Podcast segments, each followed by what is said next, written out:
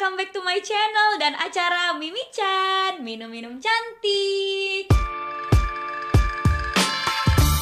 Tapi bohong Karena ini adalah acaranya Ruang Sandi Bukan acara Mimi Chan. Mohon maaf pak Thank you banget nih Prilly udah datang ke podcast Ruang Sandi ini baru sih kita baru mulai. Wah baru aja undang- bagus banget loh pak Saya terinspirasi nih harus lebih niat lagi berarti eh, studio saya Mulai aja yuk kita pakai oke. headphone.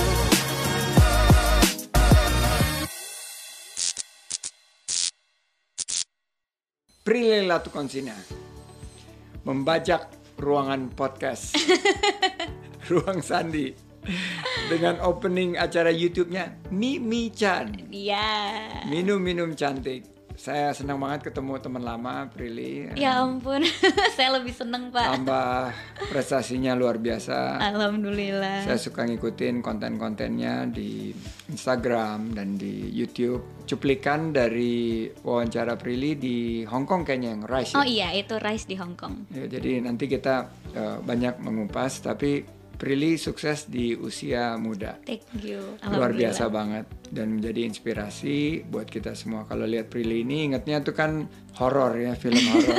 Iya Bener ya? Benar. Danur. Danur. Sosok sendiri tuh memang Prilly senang film horor gitu. Seneng film horor iya, tapi uh, saya bukan orang yang mistis yang percaya akan hal-hal seperti itu sebenarnya. Jadi pas ditawarin film horor, terus jadi anak indigo kan yang percaya sama hantu, bisa berkomunikasi sama hantu. Itu kayak gimana ya actingnya ya? Sedangkan saya sendiri nggak yang begitu percaya di dunia ini ada kuntilanak lah, ada pocong lah. Jadi sebenarnya nggak nyambung sama personality saya tapi kalau nonton doang suka sampai akhirnya saya minta coba mau dong dibukain mata batin coba aku bisa gak kesurupan kalau nggak bisa berarti bohong kesurupan sampai saya tuh yang segitunya akhirnya ke Bandung nyoba-nyoba dibuka mata batin nyoba-nyoba uji nyali sampai buat film terakhir saya minta saya mau deh kesurupan gak usah kesurupan yang kayak orang-orang deh yang yang teriak-teriak kesurupan kayak di jurnal Risa aja. Kan di jurnal Risa kesuru- bukan kesurupan ya tapi kayak nyurup gitu. Jadi kayak setengah sadar setengah nggak sadar itu Twilight Zone gitu ya. Mm, mau deh mau deh kayak gitu biar ngerasain biar saya percaya kalau ini tuh bener-beneran real akhirnya dicoba. Terus berhasil. Nah, aku nih memang kalau kesukaannya kan film romantic comedy, romcom. I'm a romcom hopelessly romantic guy. Nah, sama kok pak makanya Sama saya ya? bikin buku puisi terus Tapi Mbak Nur ini eh, istri saya Prilly udah ketemu, dia sukanya memang film horor gitu. oh Dan dia tuh mendapatkan satu adrenalin sendiri. Kalau saya bilang ngapain sih kita nonton-nonton film horor udah bayar ditakut-takutin terus kita tutup matanya gitu loh. Apalagi terus kalau nengok iya gitu kan. musiknya Musiknya. di dalam rumah gelap ya pak padahal bisa nyalain lampu Tapi kalau di rumah sendiri gelap takut nggak? enggak Nggak, memang nggak pernah takut kegelapan, nggak takut, Nggak, nggak takut sendiri gitu. Enggak, bahkan biasanya saya kan kalau susah tidur. Hmm. Nah, untuk tidur itu saya suka baca blog. Nah, saya tuh baca kisah-kisah kriminal pembunuhan zaman dulu. Terus Oh. eh, dark Disney, jadi cerita Disney tapi versi darknya. Itu baru bisa tidur. Baru bisa tidur ya? Jadi cerita-cerita kriminal waktu zaman dulu di negara mana, terus sampai foto-foto eh, evidence dari polisinya, saya lihat. CSI gitu. Itu serem banget, tapi saya suka. Sekarang udah dijuluki Ratu Horor Indonesia. How does it feel? Um, sebenarnya saya nggak mau dilabeli apa-apa sih di dunia entertainment, nggak mau dilabeli ratu ratu horor. Saya juga nggak atau- ngelabelin, Netizen sih pak yang ngelabelin nggak ratu horor sampai waktu itu uh, foto saya disandingin sama almarhum Susana, Hmm. katanya mirip dan segala macam. Sebenarnya saya nggak mau dilabelin ratu horor karena saya kan masih muda. Saya pengen berkarya sebenarnya di berbagai macam bidang dan berbagai macam genre. Makanya tahun ini saya uh, ngambil filmnya yang drama dan mulai produserin sendiri juga.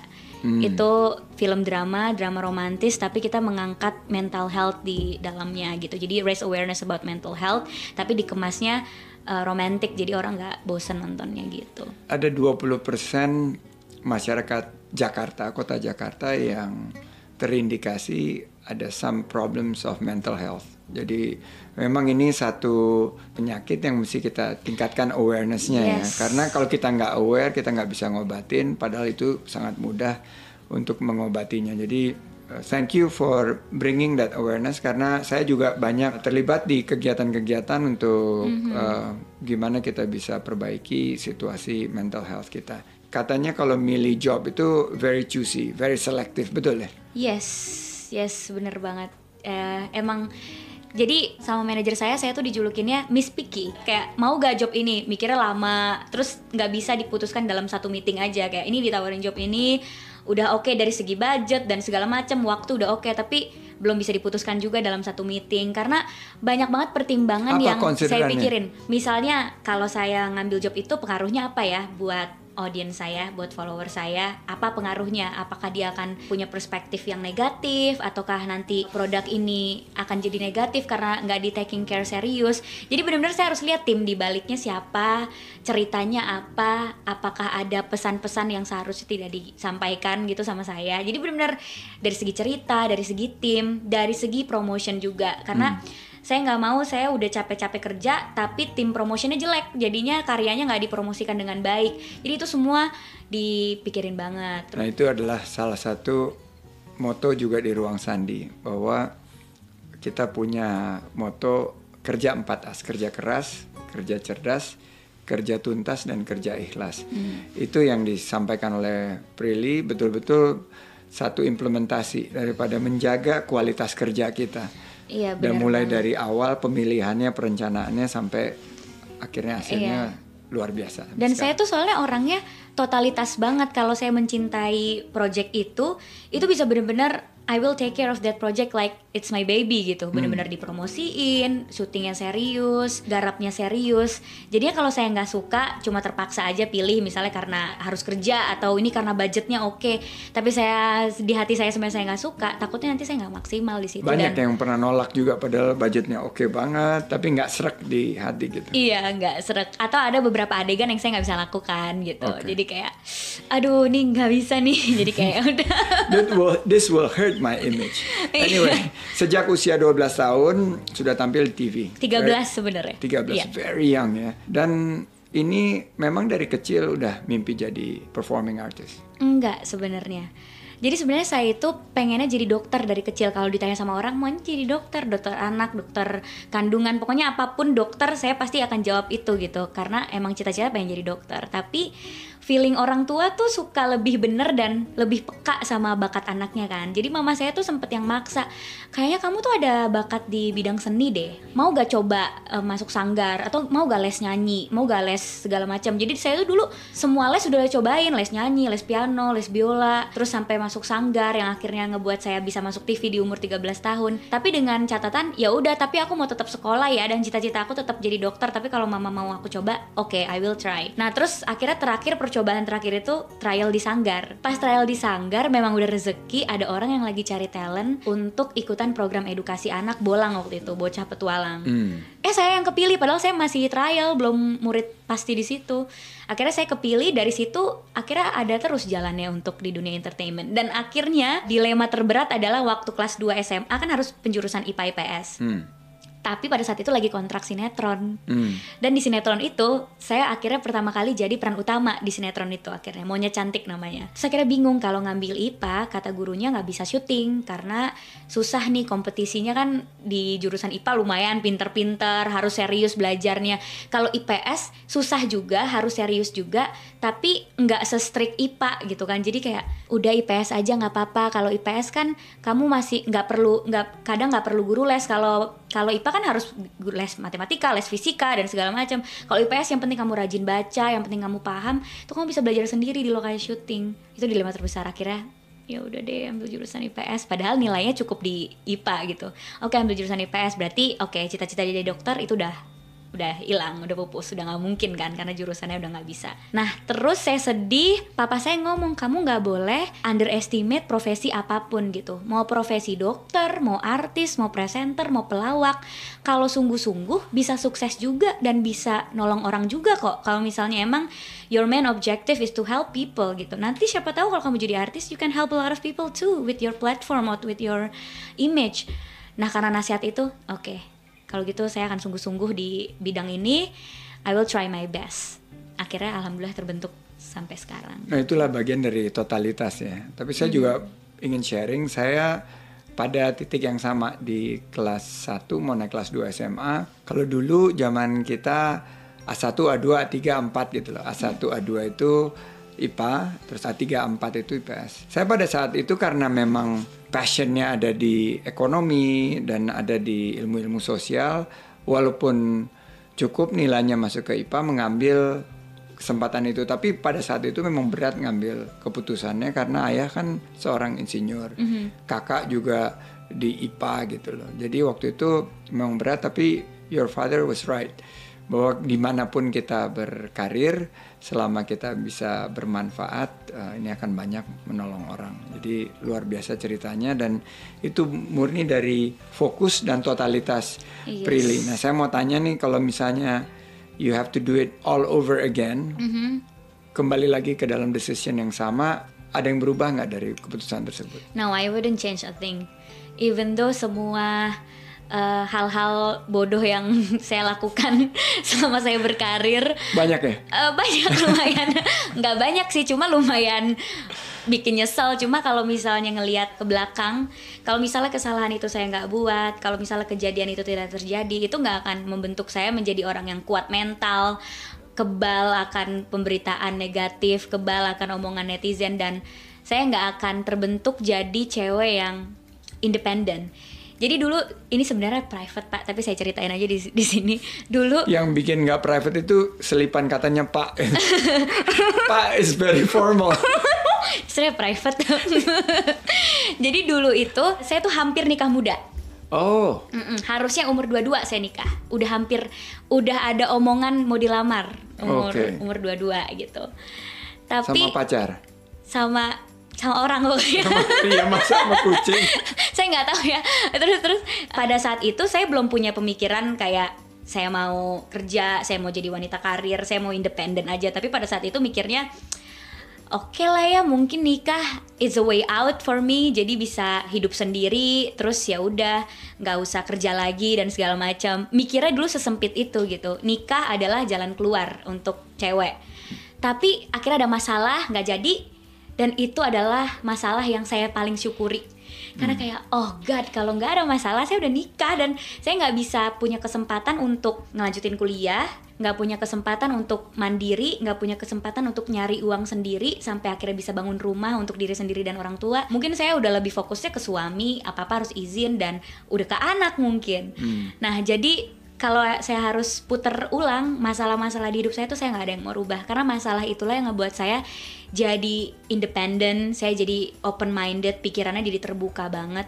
Dan akhirnya saya sadar sebagai perempuan itu kita harus sadar the value within us kayak apa sih value yang aku punya ya di dalam diri aku yang bisa mengembangkan potensi aku sendiri. Dan itu yang aku tanamkan setiap hari. Sampai akhirnya oke I will find partner yang bisa see that value within me. Jadi he will treat me right he will treat me like a real woman gitu. Bukannya sebagai partner nikah aja tapi nggak nggak diajak kerjasama nggak diajak diskusi gitu. Jadinya ya udah akhirnya I, I'm happier right now dan lebih terfilter aja jadinya teman-temannya gitu. Kerja dari umur 13 tahun dan kan ada masa muda yang hilang kan karena harus kerja yes. syuting sampai jam 3 pagi. Yes. Itu gimana ngerasanya? Berat gak? Wah berat banget. I cried almost every day. Sebenarnya bukan jam 3 pagi selesainya. Selesainya itu jam 8 pagi besoknya, jam 9 pagi besoknya, jam 3 pagi itu jadwal saya nangis. Oh, Jadi kru-kru itu udah udah hafal banget. Jam 3 pagi nih jadwalnya Prilly nangis dulu. Jadi kalau misalnya mau tag jam 3 pagi saya bakalan cuma diem aja di set terus nangis dulu. Abis itu sutradaranya udah tahu, udah yang diem aja dia nungguin saya selesai nangis baru tag lagi. So tired, kayak nggak ada waktu tidur. Terus kayak bener-bener syutingnya terus-terusan bisa pulangnya tuh jam 8 pagi besoknya. Bahkan waktu itu sempet dikasih pilihan sama sutradaranya. Mau dikasih jam tidur 4 jam saya kasih kamu waktu tidur 4 jam tapi kamu pulangnya jam 12 siang besok. Atau saya nggak kasih kamu tidur tapi jam 8 pagi kamu bisa pulang dan tidur di rumah. Nggak enak dua-duanya pilihannya gitu.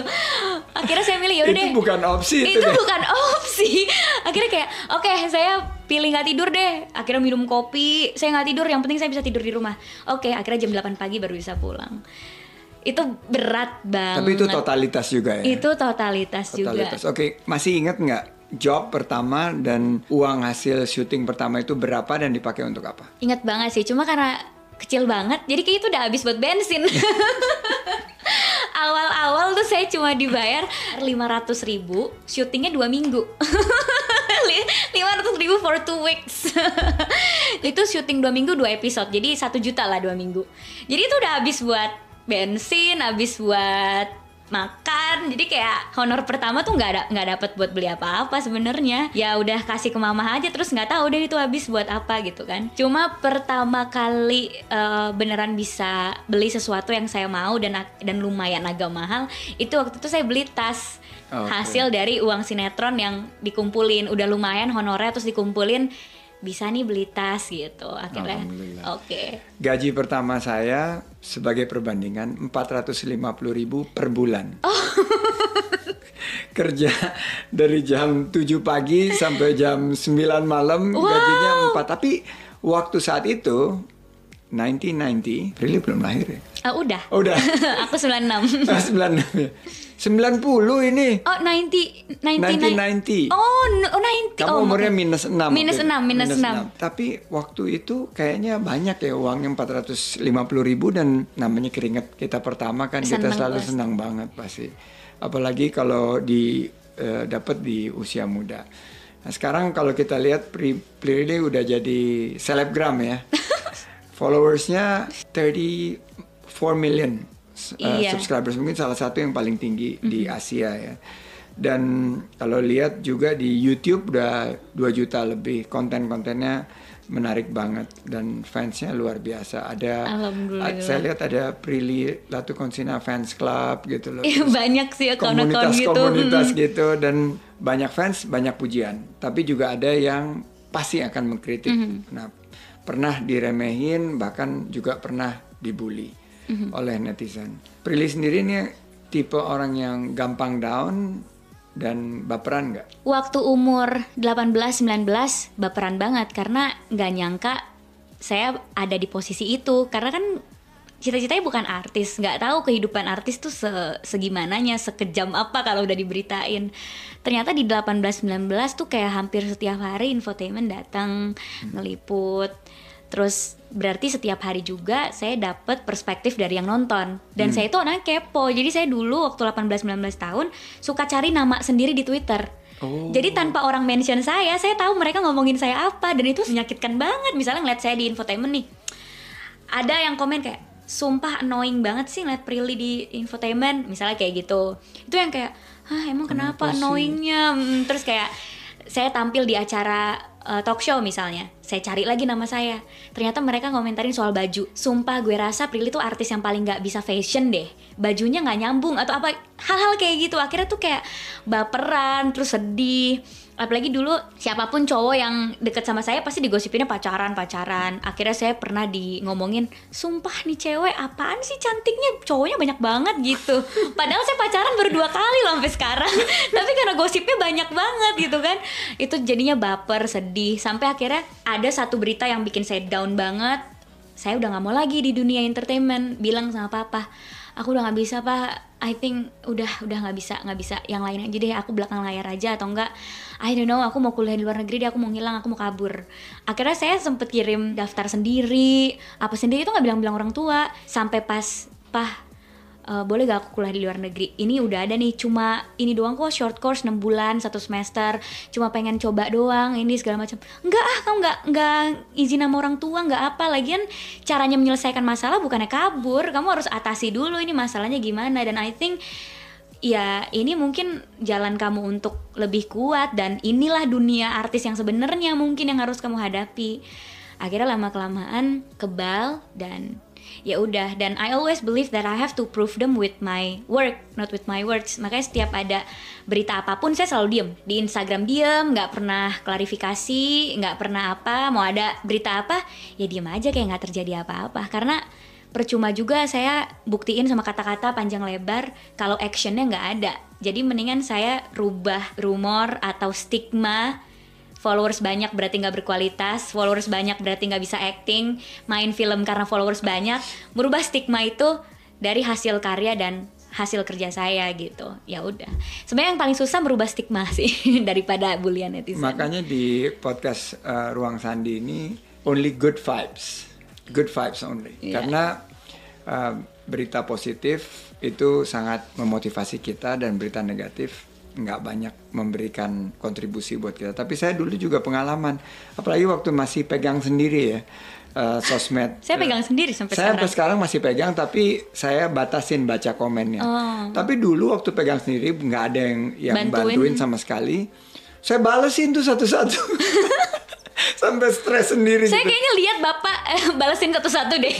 saya lihat di fase itu Bapak kayak semuanya dibalesin. dibalesin sama saya terus eh, tapi ya benar akhirnya yang negatif-negatif itu bisa justru memotivasi dan membuat saya kerjanya tambah semangat. Sempat banyak hujatan tapi nggak menghilangkan seorang eh, Prilly dengan totalitasnya dan bisa bangun sekarang dengan rumah yang katanya wah Alhamdulillah. megah mewah banget ini. Saya salut banget sama Prilly dan you, bisa bangun sendiri eh, Hmm. properti kebanggaan orang tua dan itu adalah impian orang tua. Gimana perasaannya waktu finally you made it to that point? Ada nggak keinginan untuk bilang ke yang dulu negatif itu, Hmm. here I have accomplished this gitu. Ya sebenarnya dengan apa yang saya capai sekarang orang yang dulu suka ngomongin saya atau bahkan sampai sekarang nggak so many sih but few people that keep trying to ruin my reputation and ruin my image sampai sekarang walaupun saya diemin aja. Ya akhirnya saya cuma liatin sih nggak ngaruh gitu nggak ngaruh. You want to ruin my reputation yang saya bangun dari nol karena kerja bukan karena saya sensasi di sosial media. Saya nggak pernah memanfaatkan followers banyak saya untuk sensasi alhamdulillah sampai sekarang. Justru saya ikutan organisasi-organisasi saya ikutan campaign-campaign positif because I want to use my platform for a good cause. Dan karena menurut saya followers itu rezeki dan Allah udah kasih rezeki itu ke saya jangan sampai saya menyalahgunakan rezeki tersebut. Jadi ya dengan apa yang udah saya achieve itu udah cara saya untuk nampar mereka semua sih kayak sih It's okay if you want to trying untuk ruin reputasi saya, nge- ngegosipin saya enggak-enggak, bahkan ngegosipinnya secara offline juga misalnya ke rekan-rekan kerja atau ke teman-teman artis yang lain, nggak akan ngaruh karena yang kita lihat adalah what is the finish line gitu, hasilnya apa gitu. Dia ngomongin saya nggak ber- nggak berhasil apa-apa, saya diem dan tetap bekerja keras, hasilnya ada dan nyata dan alhamdulillah bisa ngebahagiain people around me gitu. And I think it's enough to show them that they are wrong. Di wawancara Rise Mhm. yang saya sempat eh, nonton dari awal sampai akhir itu, Thank you loh Pak. Iya, I, I was very impressed. Ada beberapa kata-kata yang menurut saya saya ingin Prilly juga share di podcast Ruang Sandi ini, yaitu tanggung jawab sebagai uh, influencer dan tanggung jawab dengan follower yang banyak ini dan sebagai tokoh muda itu a privilege and responsibility. Dan menurut saya dibutuhkan untuk sosok-sosok muda kita bahwa dengan platform yang kita miliki kita juga punya tanggung jawab untuk Banget. mengkomunikasikan hal-hal yang baik, betul ya? Yes, it's a big responsibility gitu. Mungkin orang bilang enaknya jadi Prilly followersnya banyak. Ya memang alhamdulillah jadinya setiap saya eh, ikutan campaign apa orang bisa dengerin. Saya menginformasikan informasi apa orang bisa akhirnya lebih mendengarkan. But it's a big responsibility. Setiap hari saya harus pikirin dari mulai foto, caption, video. Karena jangan sampai apa yang saya posting terus dilihat sama audiens saya yang umurnya masih muda-muda itu bisa ngasih impact yang negatif ke mereka. Itu jadinya saya pikirin setiap hari. Kayak misalnya saya mau posting video rumah deh misalnya. Nah, apa pesan yang saya harus sampaikan di dalamnya kalau di balik rumah ini ada cerita yang luar biasa, ada perjuangan yang luar biasa. Jadi Nabung dari umur 13. nabung dari umur 13 jadi itu pesan-pesan tuh yang nggak boleh kita sampai skip atau sampai kita miss karena jangan sampai orang jadinya berpikiran jadi artis adalah profesi yang gampang jadi artis adalah profesi yang enak. Padahal di balik itu ada perjuangan yang harus kita capai. Jadi di setiap konten tuh harus ada pesan moralnya supaya kalau yang nonton masih muda dia bisa tahu oh nonton kontennya Prilly Iya ya enak jadi artis tapi perjuangannya gini loh. Berarti gue harus kerja keras juga di hidup gue. Itu yang aku pengen sampein ke anak-anak muda zaman sekarang dan jangan terbalik menggunakan sosial media. Terserah sih kalau misalnya mau kebalik juga it's okay, it's your decision. Tapi kalau saya what I achieve in a real life and how people acknowledge my success itu harusnya menjadi determining factor how big I am in social media. Jadi not the other way around. Hmm. Bikin diri sendiri gede di sosial media, tapi di dunia nyata nggak kasih impact apa-apa untuk society atau nggak kasih impact apa-apa untuk orang lain. Jadi cuma besar di sosial media aja dengan konten-konten I don't know, mungkin sensasi, mungkin viral-viralan konten gitu. Jadi jangan kebalik.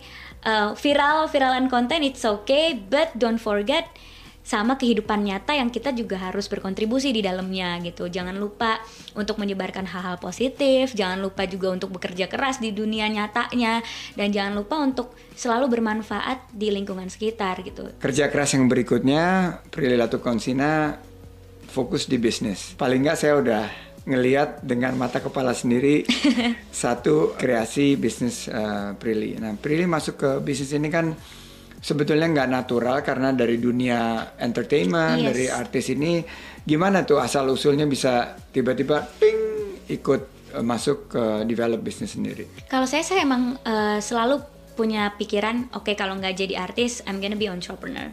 Selalu mikir kayak gitu dan karena posisi yang saya punya sekarang akhirnya itu menjadi peluang besar untuk saya bisa lebih mudah dipertemukan sama orang bisa lebih dipercaya sama partner bisnis untuk kita develop bisnis bareng-bareng. Dan akhirnya ada jalannya gitu.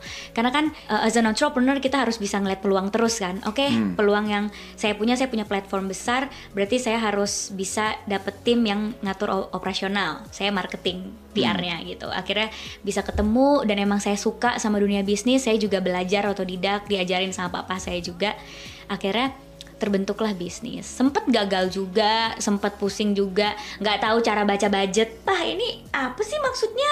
Budgetnya kok ke sini, kok ke sini? Akhirnya diajarin cara baca budget, baru bisa gitu. Jadi struggle juga sebenarnya. Aku datang ke pembukaan Nona outlet Judas. ke 6 ya Nona iya, Judas. Mm -hmm. Dan sukses banget ya, walaupun ada pandemi COVID-19 ini udah bisa melakukan adaptasi nggak ke new normal? Alhamdulillah uh, kita tetap jualan online karena kan uh, saya nggak merumahkan karyawan. Jadi mereka tetap harus bekerja. Akhirnya mereka bisa tetap layanin customer online dengan SOP yang udah kita tentukan kesehatan dan segala macam. Terus akhirnya jadi putar otak lagi. What kind of marketing strategy yang harus kita create di new normal seperti ini? Yang customer kita punya kebiasaan baru punya hobi baru. Akhirnya uh, naikin lagi makanan vakum. Terus hmm. jadinya makanan Nona Judas beberapa menunya udah frozen. udah frozen food gitu. Terus juga sekarang lagi develop bisnis juga. Yuk kita jualan makanan online aja yuk yang gampang-gampang yang di sekitar Jakarta aja menu baru karena kayaknya orang udah bosen nih sama ayam dan segala macam. Sekarang lagi di, di develop juga. Apa nih menu barunya nih? Berbau ikan. Jadi oh, serba ikan-ikanan. Terus itu juga kita lagi develop dan beberapa bisnis juga akhirnya putar otak lagi untuk strategi marketingnya. Kayak saya kan punya clothing, clothing lain juga. Terus sekarang lagi jualan emas. Nah uh, emas? iya. Jauh banget ya. Random banget. Terus tiba-tiba emas. Gitu. Karena memang kalau nggak ada COVID-19 ini saya harusnya udah buka toko emas di tahun ini. Oke. Okay. Iya udah buka toko emas, tapi karena COVID-19 akhirnya puter lagi marketing strategi. Gimana ya? Bisa tetap jualan emas tapi di COVID kayak gini dan uh, tes market lah apakah audiens saya tertarik sama beli emas dan akhirnya saya jualan emas kolaborasi sama brand yang udah ada untuk kita tes market apakah orang suka dan bagaimana kita bisa uh, develop model-model emasnya akhirnya berhasil dan kaget banget dalam waktu dua minggu terjual seribu piece iya karena COVID-19 ini brings back the gold business. Jadi yeah. akhirnya standar yang paling dipegang orang adalah emas. Tapi siapa yang ngajarin Prilly berbisnis? Mentornya itu siapa? Sebenarnya sendiri sih karena tapi mungkin karena didikan orang tua yang papa saya tuh selalu bilang gini, kalau kamu udah sampai puncak di atasnya tuh masih ada lagi. Jadi kamu dobrak lagi jangan cepat puas. Jadi manusia papa papa saya tuh selalu kayak gitu. Makanya oke okay, nih udah ada bisnis makanan udah ada bisnis bisnis baju. Apa ya? Terus saya ngelihat ke diri saya sendiri saya suka pakai emas saya suka pakai cincin. Apa akhirnya saya cari tahu bisa gak sih pak aku buka toko emas sendiri? Gitu kan eh, itu adalah bisnis yang menjanjikan juga dan bisa aku develop sampai tua juga. Karena orang tua sampai tua juga suka pakai emas kan pasti ya bisa-bisa aja akhirnya nemu partner kita udah ada pabriknya dan segala macam oke kita develop mas itu Keren, keren, keren. Jadi sekarang what's next untuk urusan bisnis? Impian selanjutnya apa? untuk urusan bisnis di 2021 udah ada perencanaannya sih semoga COVID-19 ini udah selesai jadi bisa Amin. buka toko emasnya sendiri karena kita udah sebenarnya udah lumayan matang kemarin persiapannya untuk buka toko emasnya sama pengen produk skincare lagi mau develop sendiri Oh, skincare ya, Mhm. develop sendiri ya. Nah ini kita udah ngomong bisnis. Saya juga selain datang di Nona Judas, juga hadir di peluncuran bukunya Prilly yang pertama ya 2017 ya. iya 5 detik dan rasa rindu makasih loh dan Rasa pak Rindu dan heboh loh waktu itu puisi. pas Andi datang Tapi saya mau bilang congratulations juga Prilly udah nulis bukunya yang ketiga ya yang baru Yes. Itu yang dibawa ya. ini ruang tengah ingatan Dan jarang banget orang-orang yang sibuk sampai jam 3 pagi, sinetron dan punya bisnis dan lain sebagainya masih nyisain waktu untuk uh, nulis dan very inspiring menurut saya. Thank you, Tapi Pak. mulai nulis itu dari mana? Sebenarnya mulai nulis itu dari SMP kelas 3 pas mau ke SMA tuh udah mulai-mulai suka nulis di diary. Saya suka nulis diary sampai sekarang saya punya diary. Oh masih punya diary? Iya, masih yang punya old diary. fashion gitu atau udah udah Yang old fashion, yang Masih- tulis sendiri. masih nulis? Masih punya. Jadi Bahkan di- dikumpulin banyak gitu ya. dikumpulin gitu. Bahkan saya suka bacain. Ya ampun dulu tuh segini bapernya ya sama ini gitu. suka. Bahkan saya sempat bacain lagi diary saya yang saya tulis masih tulis sampai sekarang kan masih tulis. Kadang ada beberapa yang saya robek karena saya udah pengen forget that memories baru saya buang gitu. Oh, gitu, Jadi ada. kayak robek ah gitu karena I, I wanna forget this gitu. Robek robek gitu seru sih Pak. Jadi kayak I feel this way kayak sempet Tapi itu kan private jadi memang disimpan. disimpan sendiri. Jangan sampai tuh ada yang baca-baca tuh. Waduh kacau makanya pas pindahan rumah buku-buku aku mana yang diary-diary langsung aku ambil terus taruh di di kamar jadi emang udah suka nulis karena saya hopeless romantic juga pengen jadi romantis tapi nggak bisa kalau ada objeknya gitu. Kayak malu gitu. Malu mau romantis sama pacar malu. Jadinya lewat puisi aja deh lewat buku. Tapi puisi terus novel terus puisi lagi. Terus ini puisi ketiga lagi, puisi lagi. puisi lagi. Jadi Fata Morgana itu novel ya. novel karena itu sebenarnya kelinci percobaan sih. Bisa gak sih saya nulis novel? Karena selama ini beraninya cuma nulis puisi-puisi doang tapi ternyata nulis novel susah banget dan kayaknya saya lebih bakat di nulis puisi deh Nah, kita sekarang mau main games untuk berpuisi. wah Tapi ini mestinya gampang banget buat Prilly karena for you for you it's so natural. Itu kan dari hati kan ya semuanya ya. iya tapi emang harus ada momen loh pak Waktu nggak aku, ba- aku bacain satu very memorable puisi itu waktu di peluncuran buku yang pertama ya dan kayaknya comes when it comes straight from the heart itu juga Hmm. berasa banget. di buku ini malah lebih parah lagi jadi di setiap babnya saya kasih notes buat orang di dalamnya Oh. Jadi misalnya oke nulis puisi ini gara-gara dia dikasih notes di babnya. Jadi kayak bab satu buat dia semua nih misalnya, kasih notes buat orangnya, terus di bab, di bab 2, bab 3 kasih notes juga buat orangnya. Di bab 3 kasih notes untuk diri sendiri. Jadi ada notes buat orang dengan secret code gitu ya. dengan dear you. Oh dear you. Oh jadi mestinya ngerasa sendiri gitu ya, ya. terserah deh. Ini kayak ini notes di pertama aduh cheesy banget sih. Coba lihat. baca. Ini notes buat orang. Dear you, every time you look into my eyes, you take me to another universe. Whoa. And within seconds, we escape from this lousy world. We find our happiness together. That's everything I want. Jadi kalau dia tahu orangnya dia siapa tuh dia Dia akan nyambung. GR. Dia akan GR dan nyambung nih. Akan GR kayaknya. Di ruang ingatan, untuk pertama kalinya aku membiarkan diriku jujur. Aku berpetualang di ruang-ruang, ruang sandi, yang menjadikan cinta, rindu, dan rasa sakit punya makna lebih dalam dari sebelumnya. Selamat datang di ruang ingatanku, tempat segala rasa berbagi bangku. Keren banget. Keren banget. Ini udah available Udah available. dan juga available di electronic form juga. Enggak, belum. Oh, belum. Jadi kalau mau beli beli online. Nah ini balik ke gamenya nih karena bukan hanya Prilly ya. Sebenarnya saya juga diminta tim untuk bikin puisi. Walaupun bukan keahlian saya. Tapi kita akan bacain pertanyaan dari netizen lewat Instagram at podcast Ruang Sandi ya. Jadi ini netizen-netizen yang posting di Instagram at podcast Ruang Sandi. Kita akan jawab pertanyaan tersebut dengan berpuisi. oh, Are you ready? Oke, I'm ready. Oke, buat Prilly dulu nih. Pertanyaannya dari Ed Rohmanilis. Saya tahu itu, itu fans saya dari Solo. Saya hafal. Oh, oh segitunya tuh ya.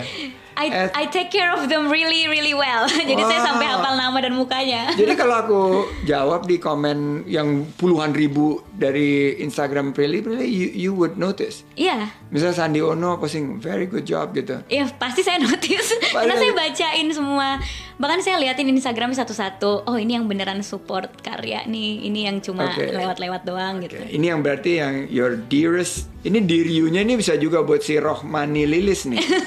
underscore S. Tips apa yang dapat dilakukan oleh generasi milenial agar bisa produktif seperti Prilly? Jawab pakai puisi. nadanya kali ya nada puisi ya Nah ada puisi dan kata-katanya harus puitis. oh my god supaya lebih produktif ya.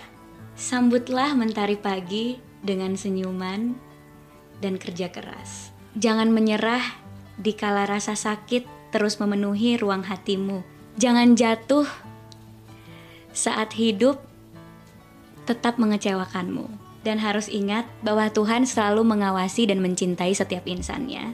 Jangan menyerah dalam hidup jalani hari dengan cinta. Nah sekarang buat saya ini dari at its it's Juno 2611 kasih motivasi terbaik untuk orang yang lagi gagal atau terpuruk karena sesuatu yang belum tercapai. Nanti Prilly nilai ya.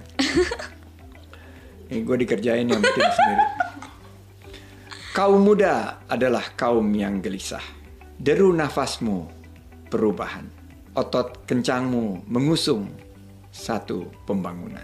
Jangan putus asa karena kegagalan adalah anak tangga mencapai kesuksesan.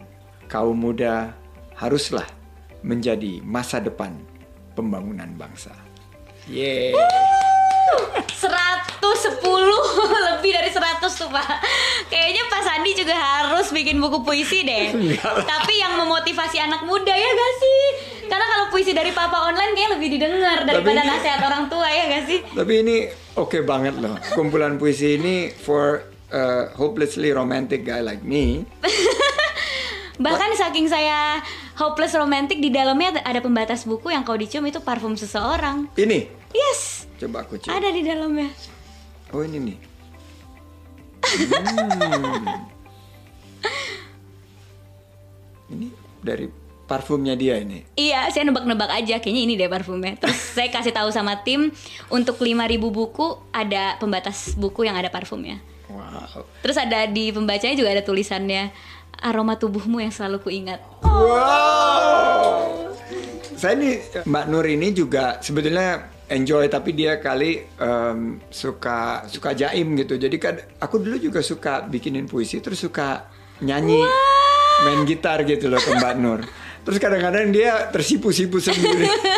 Oh, kalau saya saya bales, Pak, kalau ada cowok yang gituin saya. Jadi dia yang malah tersipu-sipu. Tapi seru banget. Em, terakhir nih, terakhir. Saya nggak akan tanya-tanya lagi. Saya cuma minta Prilly nyanyi di podcast Ruang Sandi. wow. Nyanyi lagunya Kangen dari Dewa. Tiba-tiba kangen. Itu satu lagu yang selalu menemani saya kalau lagi saya lagi jogging, lagi lari di luar. Kalau salah-salah liriknya nggak apa-apa ya. Aku tuh pelupa loh kalau misalnya lirik. Oh, disediakan. disediakan. Jadi sekarang aku bisa mempicture lagu ini dengan Prilly yang nyanyi. Ya ampun, malu nih saya suaranya penyanyi kamar mandi saya. Sebagai pengurus inti dari gerakan ekonomi kreatif harus multi talent. Oke, baiklah. Oke. Ini spesial buat Pak Sandi yang katanya selalu dengerin lagu ini dan buat kalian semua yang lagi LDR karena COVID-19. Hmm. Semua kata rindumu semakin membuatku tak berdaya menahan rasa ingin jumpa. Percayalah padaku aku pun rindu kamu. Ku akan pulang melepas semua kerinduan yang terpendam Wow. Yeay. Thank you banget. That is so sweet and you're so talented. Thank Pendengar you. podcast Ruang Sandi, kayak di usia muda, siapa sih yang nggak pengen? Tapi gini teman-teman, kaya itu bukan hanya soal pencapaian. Kaya adalah hasil dari pintar memanfaatkan kesempatan melalui bakat dan kerja keras. Kalau saya mau nambah kerja cerdas, kerja tuntas, dan kerja ikhlas. Dan Prilly bisa membuktikan itu dengan totalitas the smart little girl with extraordinary talent.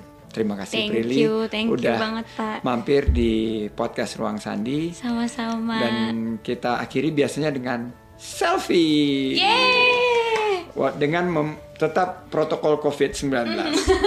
Sampai jumpa di podcast Ruang Sandi berikutnya. Terima kasih. Assalamualaikum warahmatullahi wabarakatuh.